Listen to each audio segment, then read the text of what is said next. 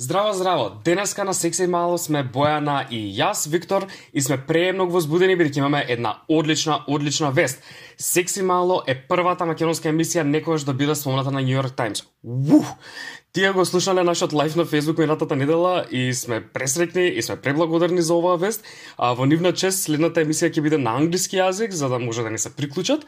А во сегашната емисија ќе зборуваме малку повеќе за како се надавме овдека. А во нивната статија некои изјавуваат дека Секси Мало е првата а, направи вистински прогрес во рушењето на табуата во Северна Македонија, а после кратката музичка пауза се враќаме и зборуваме како се случи ова што се случи. Is she the one? The one you've been waiting for, is she the one? Is she the one? The one you've been dreaming of, is she the one? I'm tired of staying up all night with you on my mind.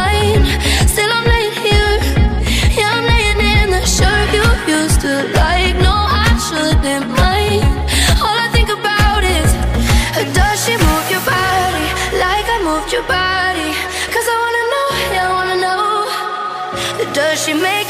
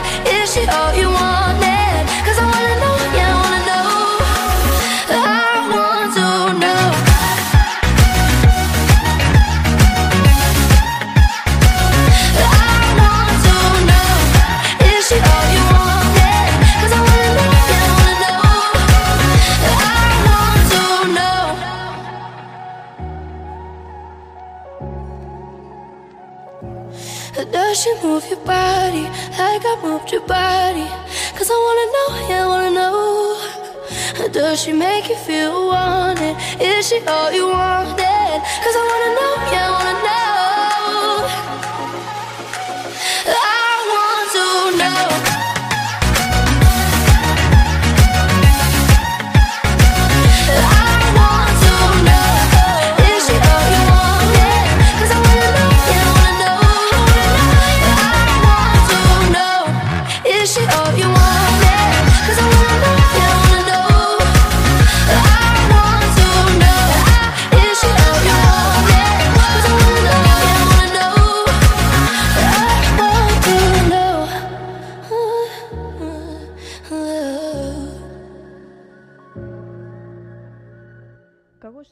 Виктор, многу сме возбудени за оваа тема и пред да започнеме со статијата, би сакала прво да разговараме за нешто друго. Особено се проширија лажни вести во овој период со коронавирусот. Што се тоа лажни вести и како да се заштитиме? Лажни вести се форма на вести што се состојат од намерна дезинформација или измама. Најчесто, најчесто овие вести се шират преку традиционалните медиуми, најчесто печатени или емитувани, но многу често и преку интернет социјалните медиуми, односно социјалните мрежи, како Facebook, Twitter, Instagram и слично. Вестите многу често се одвиваат како дезинформации во социјалните медиуми, но повремено и се наоѓаат кај мейнс- мејнстрим медиумите. Лажните вести се пишуваат и објавуваат обично со намера за, за, за да воведат една заблуда, односно да се оштети некој субјект, некоја личност или некоја агенција, или пак да се здобијат финансиски преку различни реклами или политички. А, многу често вака се вака користат фабрикувани наслови за да се зголеми читателската публика. За медиумите, можноста за привлекување гледачи на нивните веб страници е неопходна за да се генерираат приходи преку рекламирање на интернет. Објавување приказна со лажна содржина привлекува повеќе корисници, а со тоа и се, и се подобрува нивниот рейтинг. Лесен пристап до приходите од реклами преку интернет, зголемена политичка поларизација и популарност на социјалните медиуми. Пред се на Facebook вестите. Овие се многу, за- многу чести, особено тука. И сите се вклучуваат во ова ширење на лажни вести без знаење каква штета на вистина. Да, и она што го што го спомна Бојана во суштина спомна неколку различни видови на на лажни вести или фейк news. А Клер Вардол од First Draft News има идент- идентификувано дури седум типови на лажни вести. А, првиот тип е сатира или пародија, а, во суштина лажна вест која што нема намера да нанесе штета, но има потенцијал да да ги измами луѓето. Ш, не кажувате на никого, ама тоа е денешната емисија. А потоа имаме лажна врска, а, кога она што го збореше со со кликбейт насловите, а, кога насловот, визуелната слика, текстуалната објава а, не се исти со со самата содржина што ја има а, веста, а погрешна содржина, обратно од пред, од од претходната категорија, а, кога имаме погрешна употреба на информација информации за да се постават грешни а, информации за одредена индивидуа. А, потоа четвртата категорија е оние кои што имаат лажен контекст, односно кога оригиналната содржина се споделува со лажни контекстуални информации. А, потоа таа класифицира пета категорија која што а, имаат содржина на измама, а, тоа е кога оригиналните извори се обелоденети со лажни изработени извори. А, потоа имаме шеста категорија манипулирана содржина. А, ова е нешто младите што често го кажуваат како фотошопирано, односно кога оригиналните информации или слики се манипулираат за да а, се измами некого. А, односно со докторизирана фотографија. А, и имаме а, последната категорија фабрикувана содржина, ова се 100% лажни вести, а, кои што се дизајнирани за да направат измама и, и да направат шета. Um, уште малку историја во однос на, на фейк news. Uh, истр... И постои едно истражување од 2019 година од Универзитетот од Принстон, а, кој што открива дека веројатноста за некоја личност да сподели лажни вести не е толку поврзана со нивото на нивното образование или политичките погледи, а, туку повеќе е поврзана со нивната возраст. А, така тие нашле дека а, дури 11% од корисниците кои што се постари од 65 години а, споделиле статија која што била во согласно со нивната дефиниција за лажни вести, додека кај корисниците на возраст од 18 до 29 години само 3% го сториле истото. А, ваквите лажни вести нормално дека има тенденција да станат вирални во јавноста, особено со присуството на платформи како што се Twitter, Instagram, Facebook, останати социјални медиуми, особено овие модерни апликации, а, а со тоа станува се полесно лажните информации да се шират. А, истражувањата откриваат дека лажните политички информации има тенденција да се шират три пати побрзо од другите лажни вести, а, што иако истражувањата се на, на, на база на Америка, а, сепак можеме да приметиме дека истото се случува се случува и кај нас. А, на Твитер, например, лажните твитови имаат многу поголема шанса да, да бидат ретвитнати, одошто вистинските твитови, веројатно поврзано со ам, самата примамливост на насловите или на содржината на твитовите. Ам, и обично овие се, се твитнати од страна на, на ботови или некои лажни профили. А, мислам дека е време да направиме уште една кратка маз, а, музичка пауза, а потоа се враќаме со лажни вести во моменталната ситуација, односно ситуацијата со коронавирусот.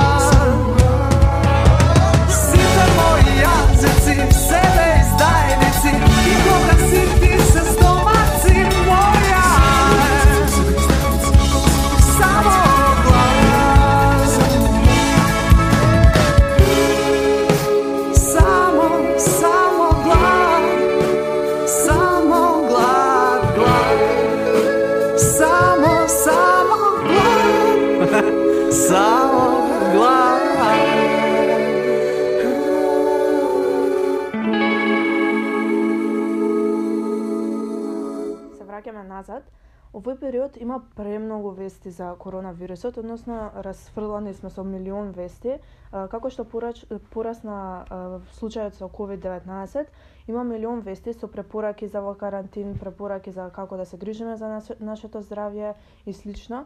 Има се појавија многу срекни приказни кои се обидуваат да ги ублажат состојбите.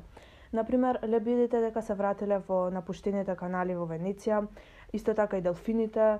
Се појави една фотографија од група на слонови кои спијат во едно село во Јунан, Кина, односно не спијат, туку го изеле пченкарното вино и с- опијанети заспале во чајната градина. А јас, јас ги имав видено дел од овие вести и искрено многу се израдував кога ги видов, но после некое време искочи, искочи една статија од а, National Geographic, која јас се запрес, запрепастив кога ја прочитав. Кажува дека овие извештаи за животинскиот свет во земјите погодени од коронавирусот добиле стотици илјади ретвитови, станаа вирални на Инстаграм и на Тикток, така и јас ги дознав.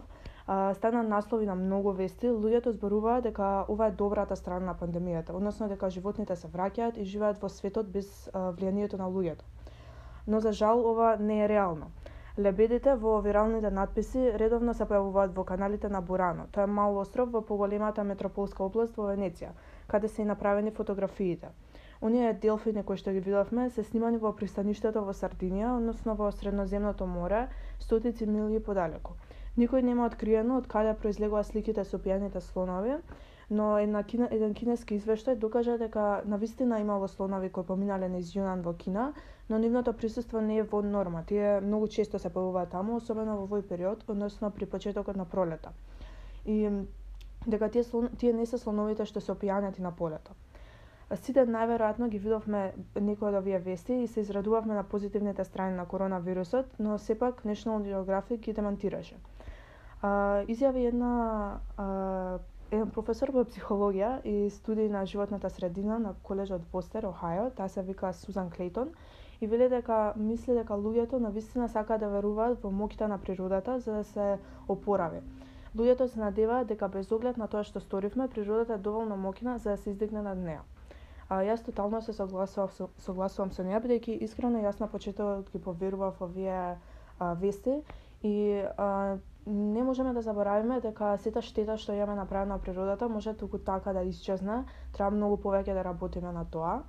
И сметам дека сте треба да бидеме свесни за овие лажни вести и да знаеме како да ги препознаеме. За тоа како да ги препознаеме ќе збориме за кратко, но предлагаме на уште една кратка музичка пауза и да зборуваме за како да се препознаат овие фейк ньюс.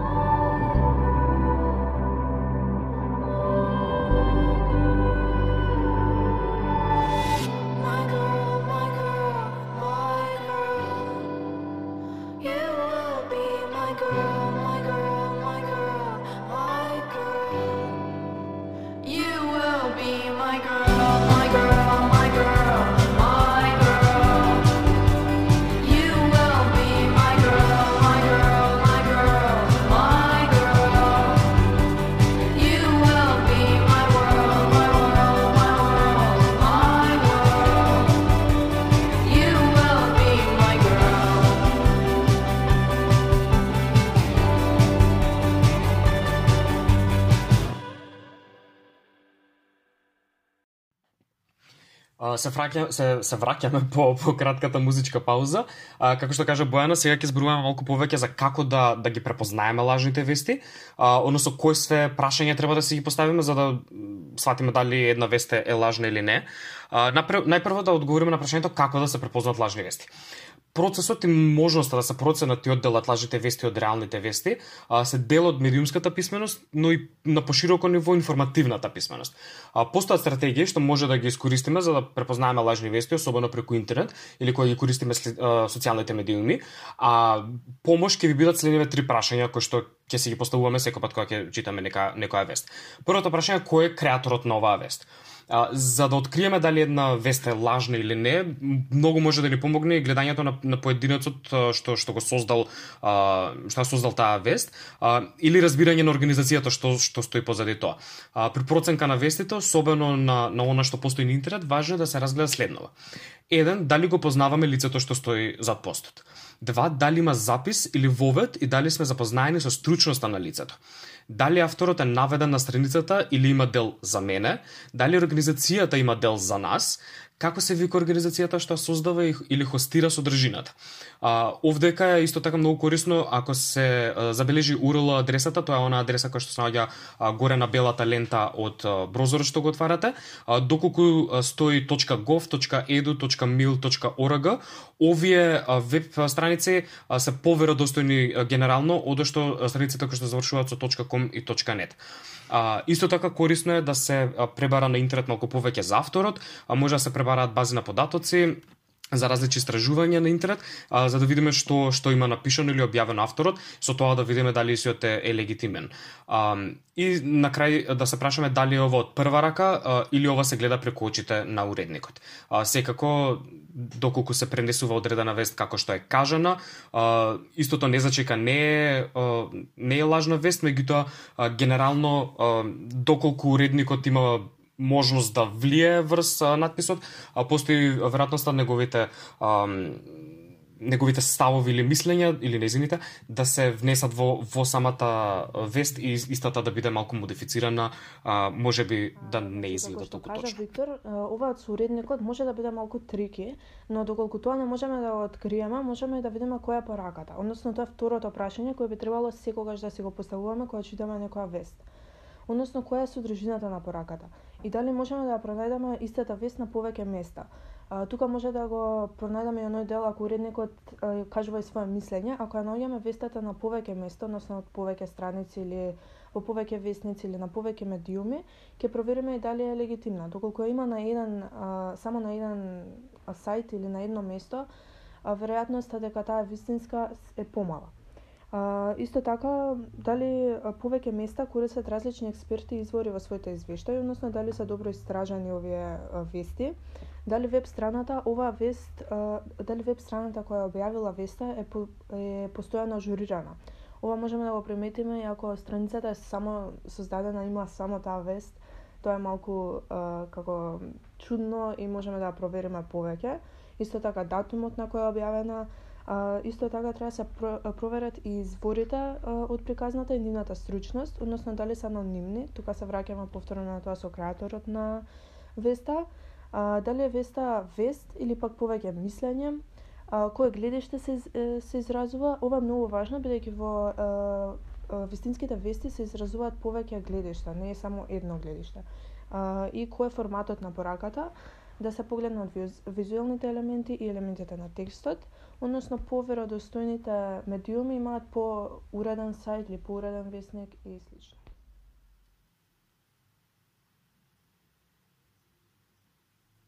Да, а, и да се доврзам на, на предпоследното оно што го кажа, а, дека има различни гледишта што се изразуваат во, во Веста. А, ова се поврзува и со третото прашање кое што, што, што треба да се го поставиме, зошто е создадена оваа вест? Затоа што има некои вести кои што се специјално создадени за да а, пренесат одреден став, може би одредена паника или нешто, не, нешто слично. А, Значи, како да, да приметиме дали, односно да како да приметиме причината зошто е создадено, а, може може ли да приметиме а, што го мотивирало креирањето на оваа порака, односно кој е а, кој е самиот контекст на она што се зборува во, во, во една вест. Дали е веста креирана за профит? Ова се приметува дека ќе има еден тон реклами напишано на него или можеби ќе се рекламира од еден производ во веста. Значи може да се примети дека некаква цел се обидуваат да да извадат од од ширењето на самата вест. Дали ова вест всушност е реклама, повторно се поврзува и со претходното прашање, дали рекламираат некој производ, па сега ќе кажуваат одредени можеби лажни вести поврзано со со со темата. А, и доколку содржината се наведе како спонзорирана содржина, односно доколку го има оној во последно време многу модерен хештег ad, односно ad, а, тоа дека некоја личност или организација плаќа за да се прикаже содржината. На ваквите вести е многу тешко да се верува затоа што а, оние кои што ги даваат парите за да се направи веста, во суштина контролираат што ќе пишува во самата вест. Така што е многу лесно за да се за да се изврши манипулација. А, се надевам дека запамтивте за све ова што што изнакажавме. А, има многу прашања на вистина кои што треба да се постават, меѓутоа не се толку тешки и со мало а, мало внимание кој што ќе биде посветено на самата вест, можеме да да забележиме дали истата е фейк ньюс или не. А, предлагам да одиме со уште една кратка музичка пауза и потоа одиме со завршниот дел а, со неколку завршни мисли. four, four, four. Skate. Four.